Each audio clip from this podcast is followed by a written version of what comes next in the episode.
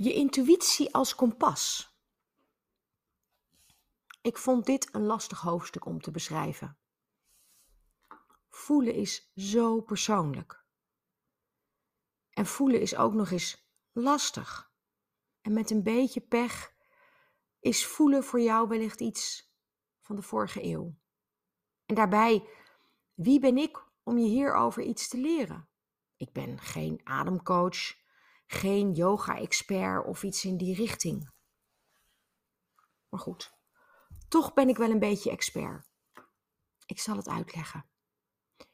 Ik durf namelijk te stellen dat ik een heel groot deel van mijn leven heb gedraaid op het kompas van mijn ratio. Veilig, dacht ik. Er lag bijna altijd wel een analyse ten grondslag aan mijn besluiten. Niets spontaan terwijl ik wel zo overkom. Tot het moment dat ik in mijn hart geraakt werd. Het moment dat ik echt voelde. Het moment dat ik als door de bliksem werd geraakt. Het is mij echt overkomen. Op een avond in Limburg, tijdens een teamuitje. Al die jaren van rationeel besluiten was in één klap te gronden gebracht. Mijn hele leven dat ik tot dan toe had opgebouwd was weg. Doordat ik in mijn hart werd geraakt. In mijn geval door de pijlen van Cupido. Het is een romantisch liefdesverhaal, maar ook net zo vervelend tegelijkertijd. Kinderen, partners, alles erbij. En toch, dat hart. Mijn hart had gesproken en er was voor mij geen weg meer terug. Ik vond het serieus eng. Het akelige is namelijk dat mijn ratio altijd snel klaarstaat met, in mijn geval dwingend, advies. Mijn hart niet. Mijn hart voelt en die tast af en komt als een soort van nabrander achter mijn ratio aan. Snap je me nog een beetje?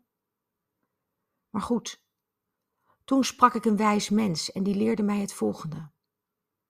Annemarie, als je hart een besluit neemt, sluit je ratio altijd aan bij dat besluit. Andersom niet.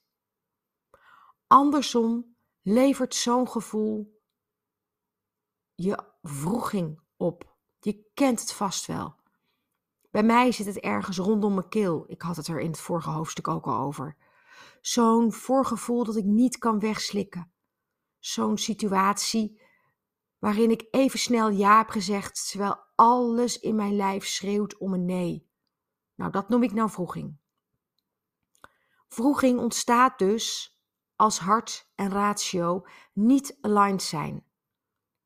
Nou weet je, dan laat ik liever mijn hart spreken, zodat ik zeker weet dat mijn verstand wel aansluit. Ik voel me er persoonlijk veel beter bij en dit advies pas ik dagelijks toe. Met mijn Cupido is het goed afgelopen. Nu jaren later ben ik nog dagelijks blij dat hij zijn pijlen heeft geschoten die avond. Maar goed, nu jij. En nee, ik ga je uiteraard niet leren hoe je verliefd moet worden op een ander. No way. Maar ik ga je wel leren om erop te vertrouwen dat je hart een uitstekend kompas is. Vaak veel beter dan je verstand. Ik heb er al een aantal podcasts over opgenomen waarin ik je vertel hoe het werkt. En ik heb er ook over gesproken met andere topvrouwen, want voelen vinden we allemaal ingewikkeld. Zo besprak ik onder andere met Sarah van der Wiel dat ik mijn hart in de tijd eerst stage liet lopen in besluitvormingsprocessen. En als voorbeeld noemde ik bijvoorbeeld besluiten die ik in de supermarkt nam. Het was humoristisch bedoeld, maar er zat zeker een serieuze nood onder. Voelen is essentieel. En als je heel lang niet gevoeld hebt, moet je het weer even opwekken, activeren. Nou, hier komt ie. Zorg dat je minimaal een half uur niet gestoord kan worden. Ik doe dit persoonlijk bij voorkeur tijdens mijn ochtendroutine. Zet een fijne meditatiemuziek aan. Ga liggen op je bed of op een matje op de vloer. En dit zal je geduld, en ik heb geschreven ongeduld, maar het zal je geduld enorm te proef stellen. Maar het gaat je helpen. Dus de moeite waard om te proberen. Breng aandacht naar je lichaam. Haal even diep adem. Je gaat nu letterlijk voelen. Sluit je ogen. En nu ga je beginnen. Zoek voor je gevoel je kleine teen op. Beweeg hem in gedachten. Voel hem, zowel links als rechts. Ga zo door. Teentje voor teentje. Ga door naar je voet, je enkel, je kuit en je knie. Zowel je linker als je rechterbeen. En neem de tijd. En stel jezelf vragen. Waar droom ik van? Wat wil ik graag achterlaten? Wat wil ik graag terug? Hoe blij ben ik met mijn leven? En wees niet streng als het je in het begin niet lukt om je gedachten stil te zetten. Dit heeft training nodig. Wederom, denk maar aan die sportschool. Consistent en consequent blijven volhouden. Elke dag zal het een beetje beter gaan. Pieker je? Heb je steeds vragen, of sorry, heb je steeds gedachten die jouw vragen overnemen? Ik heb geleerd om het te zien als wolken die drijven voorbij.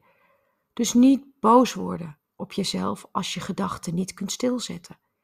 Het heeft tijd nodig. Vandaag niet vlekkeloos, morgen weer een kans. Maar doe het wel. En in plaats van te analyseren waarom die gedachten het overnemen, zeg je simpelweg: Ik voel dit. Laat alles gewoon voorbij komen. En remember, de stem van je ratio spreekt harder dan de stem van je hart. Hou je ogen dicht. Leg je hand op je buik. Voel je wellicht spanning? Blijf liggen. Haal adem. Hou je ogen dicht.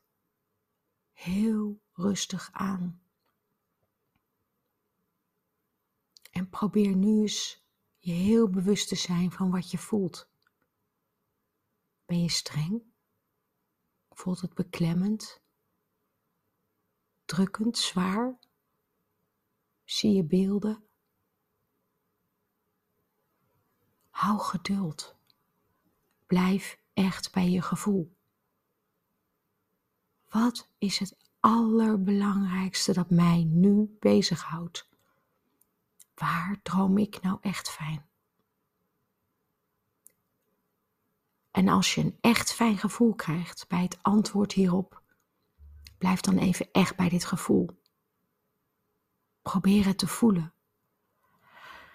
Adem het door je lijf. Duw het als het ware door je lijf heen met krachtige ademhaling. Wat zijn voordelen van voelen? Voelen geeft je rust. Als je hoofd leeg is, kan een gedachte pas afdalen naar je gevoel. Pas dan kun je gevoelsmatig beoordelen hoe een gedachte bij je valt of past. En dat duurt echt even. Je ratio heeft gelijk een mening, maar die mening zoek je niet. Wacht even tot je iets voelt. Voelt het goed? Doen. Niet goed? Niet doen. Of wel overwogen een keuze maken. Blijf bij het gevoel. Een goed besluit op basis van je gevoel is intuïtief het maakt je ongegeneerd. Ik neem dit besluit gewoon omdat het goed voelt. Het zijn overwegend je beste besluiten en het ruimt zo op. Niks vol hoofd. Voelen. Heus, je hebt genoeg te doen, maar dat is echt iets anders dan niet meer kunnen voelen door een vol hoofd. Dus erken het gevoel. Het resultaat is alles waard. Dus erken jezelf. En even praktisch. Hey, ik kom uit het corporate zakenleven. Hè? En ik weet heus wel dat we niet allerlei businessbesluiten kunnen nemen op basis van je hart. Dus, maar het gaat hier om matters of the heart. En maak daarin onderscheid voor jezelf. En ga hierin oefenen. Je kunt het.